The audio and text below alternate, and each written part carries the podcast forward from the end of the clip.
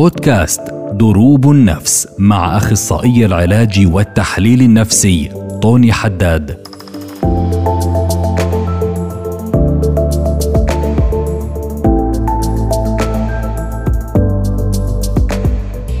أهلا وسهلا فيكم في حلقة جديدة من بودكاست دروب النفس. معكم معالج نفسي متخصص في التحليل النفسي طوني حداد.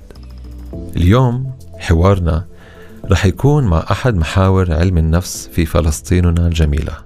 لا يختلف عليه اثنان من حيث العمق الحضور والفكر.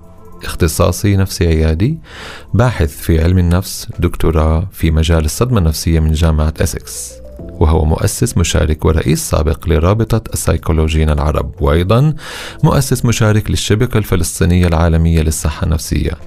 أهلا وسهلا فيك دكتور مصطفى قسقسي.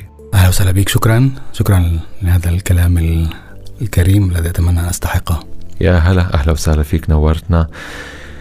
إيه دكتور مصطفى هيك حاليا إحنا موجودين في فترة اللي هي جدا صعبة على شتى الأصعدة.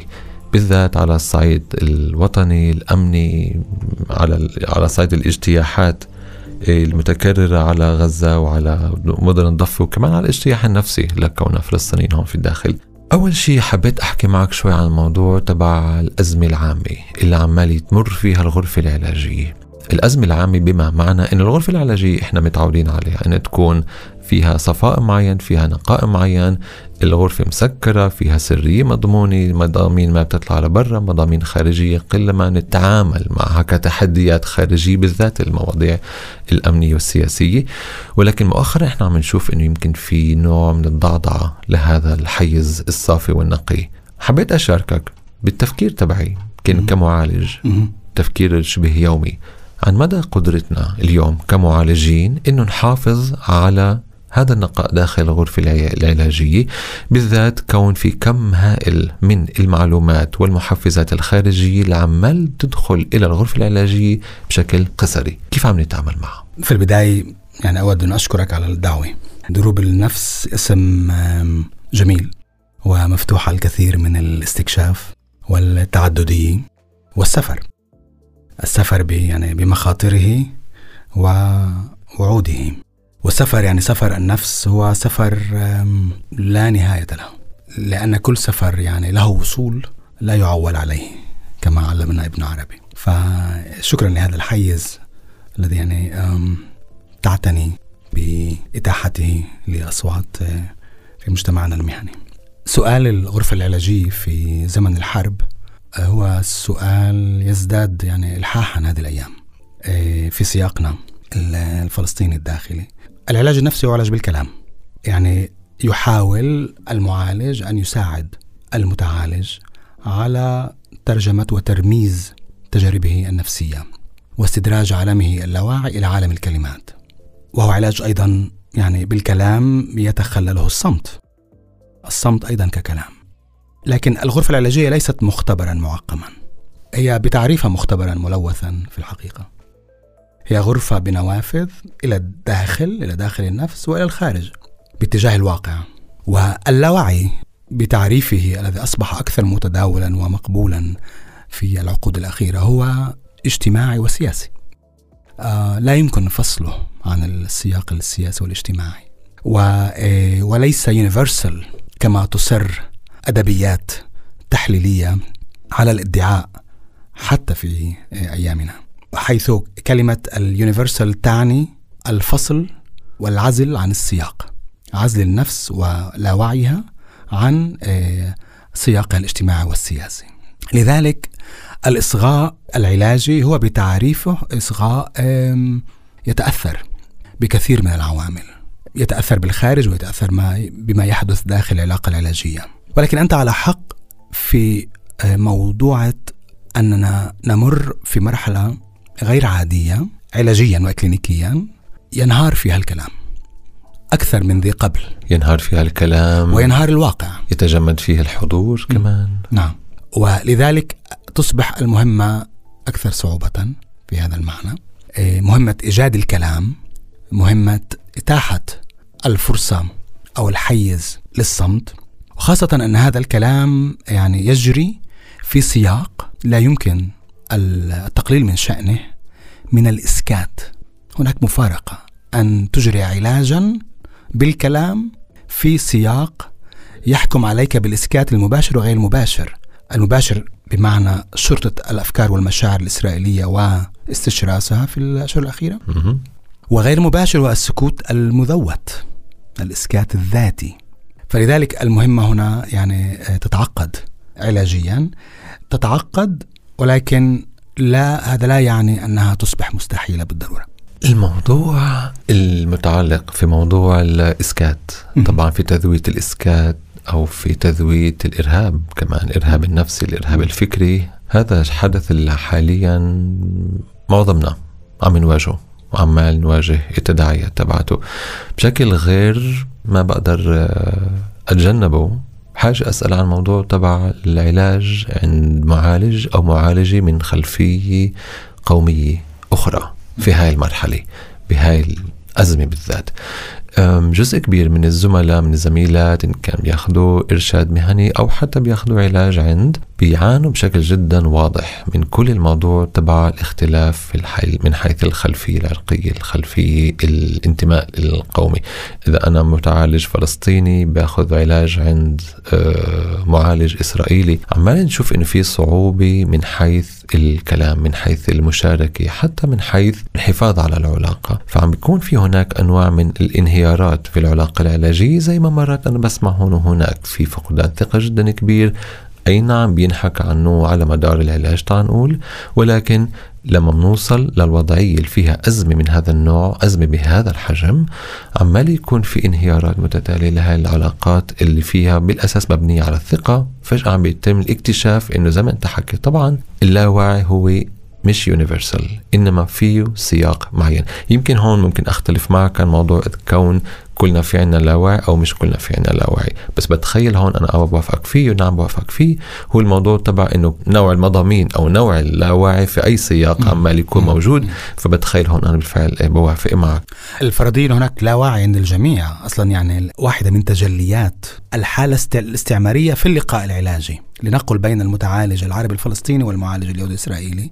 هي افتراض غير نادر لدى بعض المعالجين الزملاء اليهود الإسرائيليين أن ليس كل الحالات العلاجية الفلسطينية جديرة بالتحليل النفسي أو قابلة للتحليل النفسي أو ترقى إلى قابلية للتحليل النفسي. يعني هناك افتراض أن في الكثير من الحالات الذات الفلسطينية هي ذات بسيطة ولا تملك ما يكفي من التركيب ومن الغنى النفسي يؤهلها بأن تكون موضوعا لتحليل نفسي. وهذا يعني يحدث كثيرا أيضا. يعني هناك معالجين يتحدثون عن هذه عن هذه الإشكاليات في الحوار مع مشرفين ومعالجين يهود إسرائيليين. ولكن في الأساس اللقاء العلاجي بين الم- المتعالج العربي والمعالج اليهودي الإسرائيلي هو لقاء محكوم بالحالة الاستعمارية. بمعنى أن المعالج يمثل وغالبا ما يبرز تماهياته مع جماعة الانتماء الخاصة به. يسقط والكثير من الصور النمطية الجاهزة والتبسيطية على متعالجيه العرب. على سبيل المثال اختزال العربي في اسم محدد. نعم؟ أحمد مثلا. هذا الفعل استعماري عنصري نعم. يختزل ذاتية الفرد الفلسطيني إلى اسم عام وتعميمي اسم جماعي. جماعي بالضبط اسم جماعي. فاقد للهوية. فاقد للهوية وفاقد. للذاتية. فهذه واحدة من التجليات. يعني كمان يعني نرى هذا الإسكات أيضا داخل المؤسسات التدريبية داخل المؤسسات. التدريبية هذا هناك كمان إسكات. شيء طبيعي. في آه، هناك إسكات. شرس. إسكات تخوين في تخويف كمان بشكل غير مباشر. هون بتتواصل بالنسبة للموضوع تبع إنساب الصعوبة بتحليل النفسي الخلفية العرقية. كفلسطيني صعب أو مش أكيد إذا تمر, تحليل نفسي. كل الموضوع تبع الفكر عن من يستطيع أن يمر تحليلا نفسيا أو من لا يستطيع هو فكره موجود من قبل قيام دولة إسرائيل. هالشيء موجود. صحيح. مش عم نشوفه. وبفكر إنه هذا الشيء هو فكرة غربية اللي هي كمان الفكرة الغربية عنصرية استعلائية. هل كل من هو ليس أبيض هل هو قادر أن يخضع للتحليل النفسي وأن ينام على الصوفة ويجلب اللاواعي؟ وهذا هو سؤال هو جدا كبير. لهون أنا يمكن بدي أسأل كمان سؤال إضافي عن دور معالج أو المحلل النفسي من حيث النضال الذاتي في البداية والنضال الاجتماعي. إيه لاحقا ما هو الدور؟ وهل كمعالج معالجات هل كممتهنين ممتهنات صحة نفسية هل في عنا الرفاهية أنه نمكث في العيادة وما نخرج منها إلى المجتمع؟ هذا سؤال ممتاز يعني أعتقد أن المعالج الفلسطيني مثله مثل المعالجين المنتمين لمجتمعات واقعة تحت الاضطهاد أو لجماعات واقعة تحت الاضطهاد المعالج الفلسطيني لا يملك ترف الاعتكاف في الغرفة العلاجية ولا يملك آه، ترف الانعزال التأملي آه، في الواقع الخارجي. هناك كثير مهمات الملقاة عليه ويجب أن يطور إدراكه لهذه المهمات. ربما أكثر من معالجين ينتمون لسياقات اجتماعية أخرى. إذا كانت إحدى مهمات المعالج الفلسطيني هي إعادة التواصل بين المتعالج وذاته وهذا يعني يعيدنا إلى سؤالك حول الكلام وحول الإصغاء. إذا كانت هذه المهمة مهمة قد نسميها باشتقاق لغوي ربما يعني غير دقيق ذوتنا بمعنى subjectification يعني أن نعيد القدرة للمتعالج الفرد الفلسطيني القدرة أن يفكر أفكاره وأن يشعر مشاعره وأن يتأمل بها وأن يفسرها وأن يعني أيضا يعني يضعها في سياق أوسع. إذا كانت هذه المهمة فهي مهمة يجب أن تمارس داخل الغرفة العلاجية وخارج الغرفة العلاجية. من خلال سيرورات نعم. متوازية وبتخيل كمان من خلال سيرورات متقاطعة وكمان متشابهة. نعم. بالنسبة للموضوع تبع العلاج النفسي هو علاج بالكلام تخيل الهدف تبعنا في النهاية زي ما طبعا حضرتك حكيت. تحرير النفس. تحرير النفس من حيث المطبات من حيث الأماكن الغير مضاءة من خلال التواصل تواصل الفرد مع ذاته مع الجماعة وما إلى ذلك. وهون في الموضوع تبع هل العلاج النفسي هو فقط من خلال كلام أم ممكن يكون من خلال أدوات؟ طبعا كل العلاجات النفسية بتهدف إلى رفع الإدراك لمستويات اللي يكون فيها المضامين بيكون في لها كلمات تلبس آه، رموز معينة لا بهدف نقدر نتواصل معها. هل الشيء فقط من خلال كلام؟ شو مع باقي العلاجات المختلفة. يمكن عم باخذ أنا الحديث لمحل مختلف بس كمان بحمني أسمع شوي. هناك أكثر من لغة في العلاج. الكلام أحدها. لنقل الكلام هو اللغة المركزية في كل الأحوال. ولكن هناك طرق مختلفة في الإصغاء. وهذا يطرح علينا أيضا تحديا في هذه الفترة بشكل خاص. يحدث كثيرا أن يأتي متعالج إلى الغرفة العلاجية ويقول ماليش نفس أحكي. لو تأملنا في هذه المقولة هي مقولة في اعتقادي أعمق من, من ظاهرها. بمعنى ماليش نفس أحكي. وكاني لا أملك ذاتا تتكلم. يعني هذه الجملة لا تعني فقط عدم الرغبة في الكلام وإنما عدم القدرة أو عدم الإدراك الذات كذات متكلمة. يعني قد يعني تعبر عن مخاوفها وأحلامها وخيالاتها وتجاربها النفسيه المختلفة. في هذه المرحلة من الإسكات المستشرس سياسيا، إسكات يعني لا يمكن فصله عن الإسكات المتوارث طبعا. بفعل الصدمة العابرة الأجيال بفعل النكبة المستمرة. هذا الإسكات يمكن أن نواجهه بطرق مختلفة. أولا احترام الصمت. احترام مقولة فش عندي إشي أقوله. أو احترام مقولة مش عارف منين أبدأ.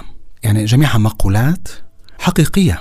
تعكس صعوبة جارحة في الإمساك بالرموز الكلامية للحديث عن النفس. إذا احترام الصمت الإصغاء للجسد.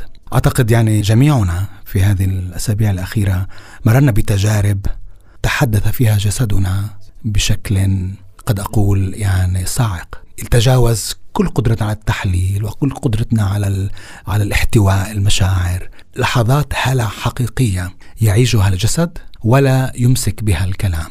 لحظات انهيار. لحظات انهيار. لحظات انهيار القدرة على الشعور القدرة م. على التفكير القدرة على الرؤية القدرة على التواصل. م. التواصل مع الجسد. م. أي الموضوع تبع لحظات الانهيار. بتخيل هو موضوع اللي هو جدا شائك. بتخيل إحنا اليوم موجودين هون كفلسطينيين 48 إحنا شايفين عم نطلع عم نشوف الامتداد اللي إحنا طبعا جزء منه الفلسطينيين عامة في الضفة وفي القطاع. وعم تنتابنا مشاعر جدا صعبة من حيث الخجل من حيث الذنب من حيث كيف يعقل إنه أنا قادر أفوت وأتحمم وأنام وأقوم لما غيري مش قادر يتنفس حتى تحت الأنقاض.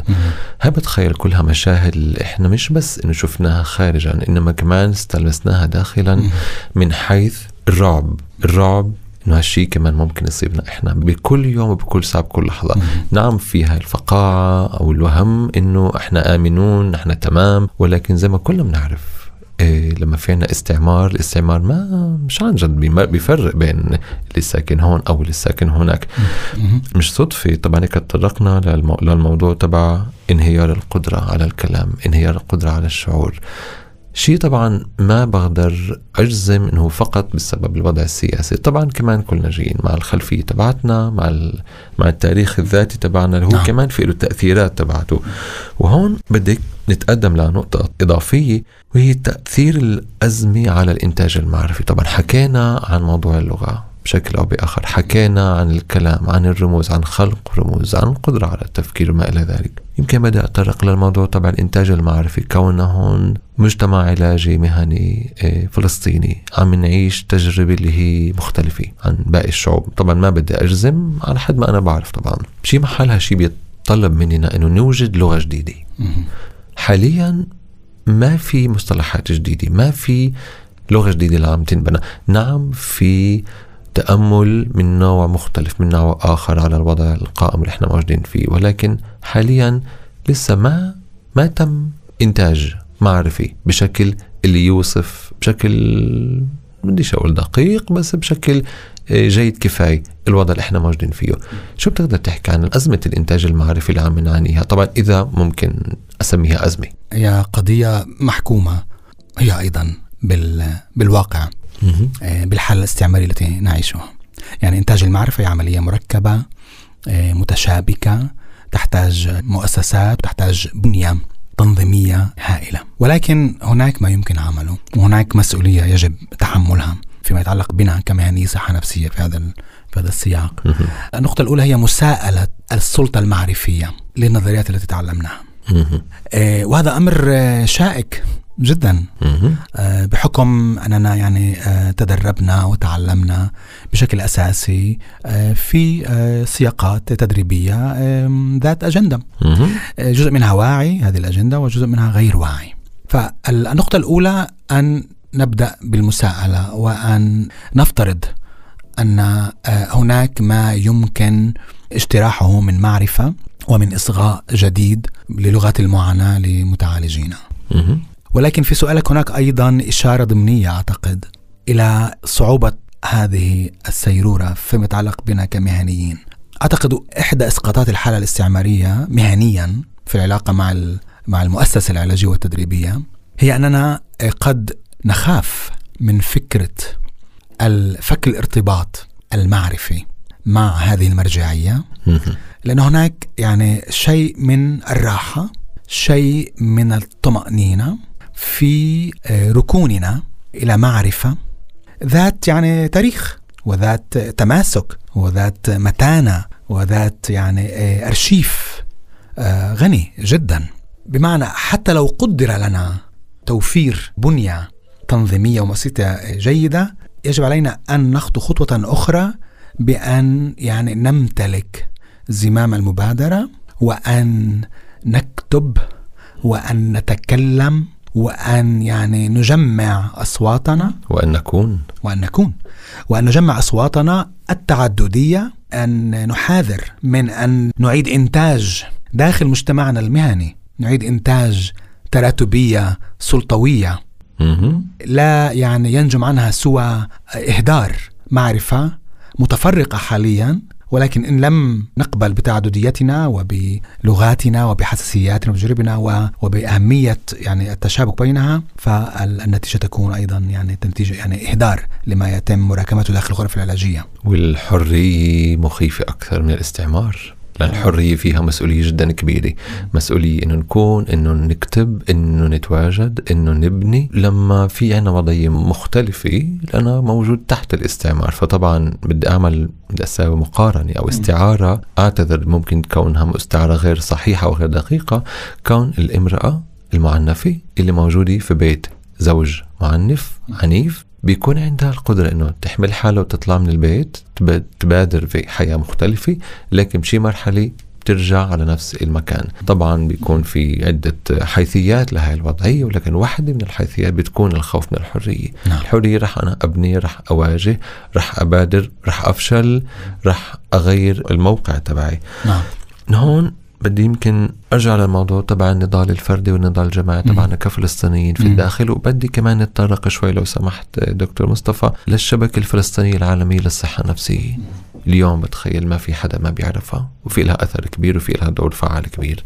هل بتشوف إنه في رابط بين النضال الفردي تبعك كمهني وكباحث لبين كونك شريك في الشبكة الفلسطينية للصحة العالمية؟ نعم يعني مشروع الشبكة الفلسطينية العالمية للصحة النفسية هو مشروع يحاول أن يجسد هذا الطموح لإعادة الاتصال بين آه، الفكر العلاجي والإكلينيكي والتحليلي النفسي وبين آه، مبادئ الحرية والعدل والكرامة وحقوق الإنسان كافة.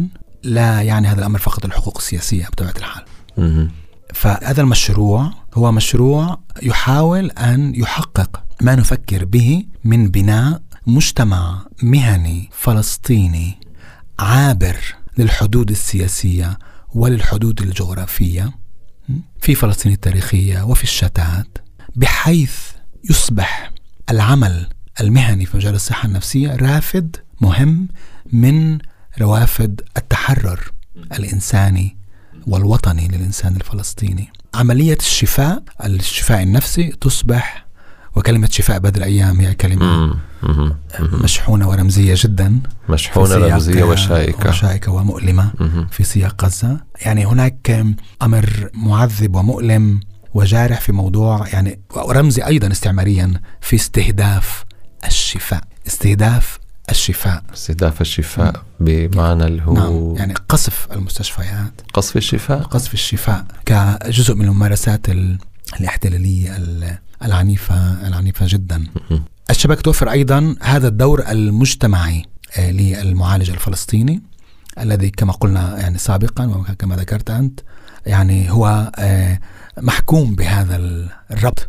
بين المجالين. وهذا أمر ليس يعني قدرا ثقيلا. هذا ربما يعني فرصة لإغناء تجربته العلاجية ولترشيد الفكر العلاجي وبشكل خاص التحليل النفسي نحو توسيع قدرته لاحتواء أيضا السياق السياسي والاجتماعي، نحن نعرف أن التحليل النفسي ولد استعماريا بنظرته إلى الشعوب البدائية بين مزدوجين وبحديثه عن التحضر كحالة شفاء والبدائية وانقطاع عن الحضارة كحالة آه، من الانفلات الغرائزي يعني هذه نظرة تحليلية في أساسها يعني بمعنى الحديث عن البدائية آه، والتحضر.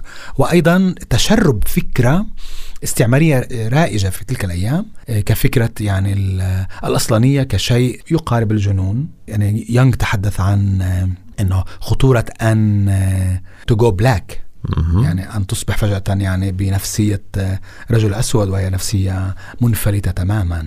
أو حديث آه، فرويد عن وفي حديثه عن عن النساء وعن سيكولوجيا المرأة عن dark continent عن الرحم المهاجر. وعن المكان غير المفهوم والغريب والمخيف.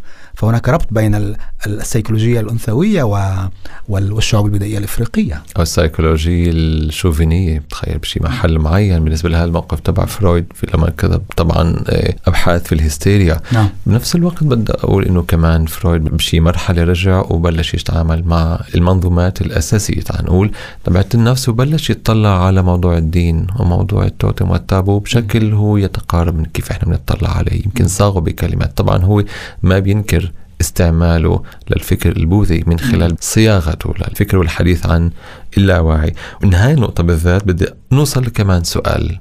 هل النفس سياسية أم نحن عمال نشهد سيرورة اللي بتهدف إلى تسييس النفس؟ هل النفس سياسية أم نحن في خضم سيرورة تبعت تسييس النفس؟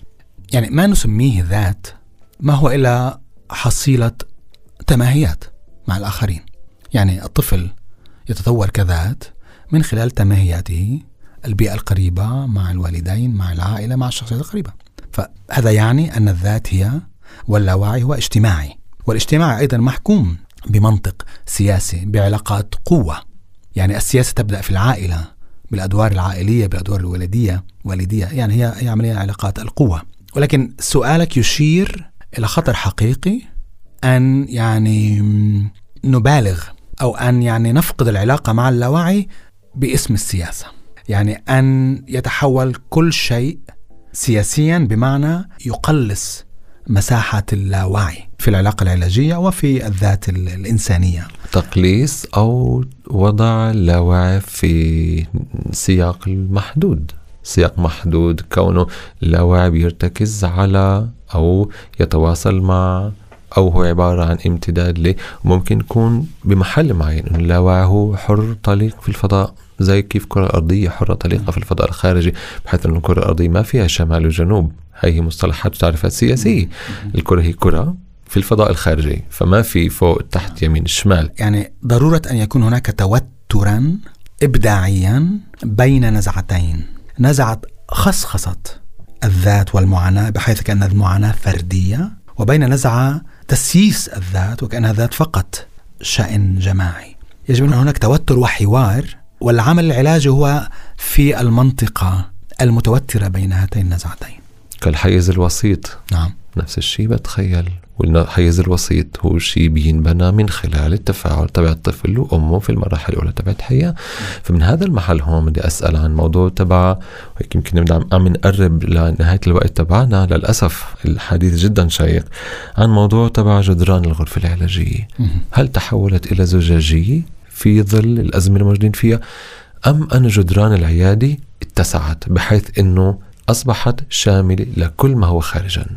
أنا أعتقد أن الغرفة العلاجية بفعل أيضا بفعل الأوضاع التي نعيشها أصبحت أكثر آه، انكشافا للواقع الخارجي أو بشكل أدق دعني أقول أن المعالجين اليوم أصبحوا أكثر إصغاء لتأثير يعني الواقع السياسي على المعاناة الفردية إيه، خاصة وأن هذا الواقع مشترك للمعالج والمتعالج.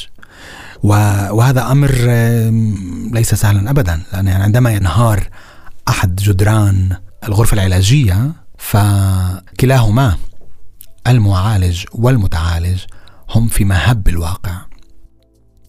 وهذا يعني أيضا في مهب آه، التأثيرات العاطفية والفكرية لهذا الواقع. وهذا يشكل تحديا كبيرا للمتعالج ولذلك هناك أهمية كبرى أن نتيح وأن نبني كمعالجين مساحات مشتركة.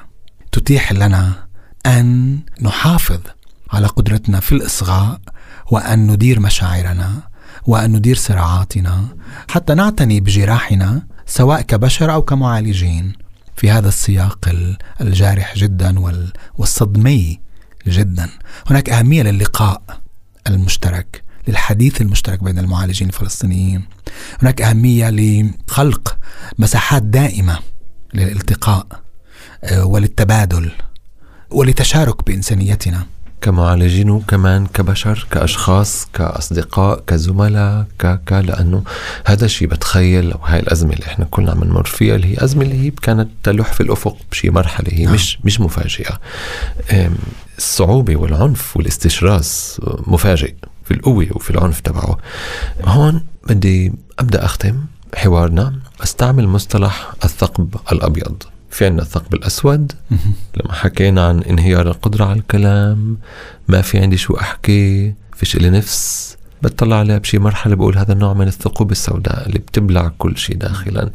بدي أتطرق لموضوع الثقب الأبيض. الثقب الأبيض هو عبارة عن نظرية لسه ما تم تأكيدها ولا إنعاشها مثل ما بيقولوا. عن ثقب أو كوكب طبعا الثقب الأسود هو مش ثقب هو كوكب. الثقب الأبيض بيعمل نفس العمل تبع الثقب الأسود لكن بشكل عكسي بيرفض إدخال أي شيء. وهذا الشيء بنشوفه نرجع لبداية الحوار تبعنا بنشوفه في سياقات علاجية اللي فيها ممكن يكون معالج من خلفية أخرى يهودي إسرائيلي. وممكن يكون كمان معالج من خلفية ذاتية أخرى اللي فيها بيرفض إدخال أي مضمون بين قوسين غير علاجي غير نفسي إلى داخل الحيز العلاجي. وكل شيء المتعالج بيجيبه من خارج العيادة سياسي أو ما إلى ذلك بيتم إنسابه إلى كونفليكتس داخلية. بيتم تجاهل بشكل تام الواقع الخارجي. شو رأيك في الثقب الأبيض؟ اللي بيحدث داخل الغرفة من قبل المعالج؟ هذا يعني ما يمكن تسميته كما ذكرت سابقا بخصخة المعاناة يعني حصر المعاناة النفسية داخل الفرد ويعني عزلها تماما عما يحدث في الواقع الخارجي واقع اللي هو يتميز بالعنف وممارسة السلطة وعلاقات القوة آه، العنيفة. وأيضا يمكن أيضا يعني حديث عنه بمفهوم ما يسمى البراءة التحليلية أو ما يسمى psychoanalytic innocence. هذا المسمى هذا المصطلح يعني أن المعالج التحليلي منشغل تماما بالواقع الداخلي وغير مهتم وحتى لا يلقي يعني بالا ولا يعطي وزنا للواقع الخارجي علما أن تموضعه في الواقع الخارجي هو تموضع آه، له امتيازات وله آه، سلطة وله سطوة. هو ليس معالجا آه، محايدا. هو جزء من هذا الواقع ومما يمارس فيه من عنف. لذلك البراءة التحليلية وخاصة المعاناة بهذا المعنى تصبح أكثر يعني آه، ضررا وأكثر آه، صدمية دعني أقول.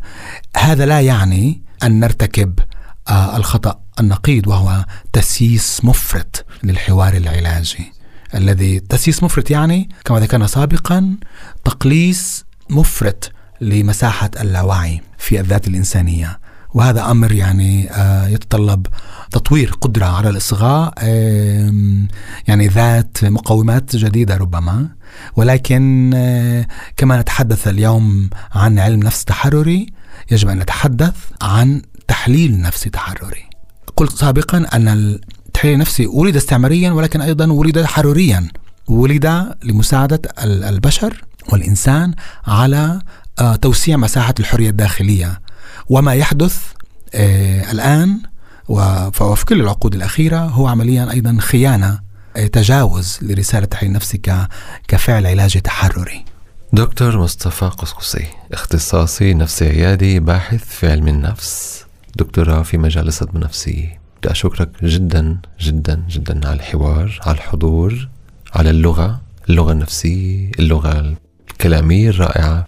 انبسطت كثير. إنه التقينا وإنه حكينا. وبتخيل صوتك. صوت جدا مهم في مجتمعنا المهني وكمان في مجتمعنا في فلسطين كاملة. بشكرك كمان مرة على القدوم وبتمنى إنه هالصوت اللي جبته اليوم يوصل لأبعد ما يمكن. شكرا لهذا الحوار الحي والغني والذي يعني يتيحه يعني حضورك وصوتك أيضا في مجالنا المهني وفي مجتمعنا المهني وأعتقد يعني هذه هذه المنصة هي منصة ضرورية ويجب أن يعني تتكاثر في يعني في روح ما قلنا سابقا. كنتم مع بودكاست دروب النفس مع أخصائي العلاج والتحليل النفسي طوني حداد.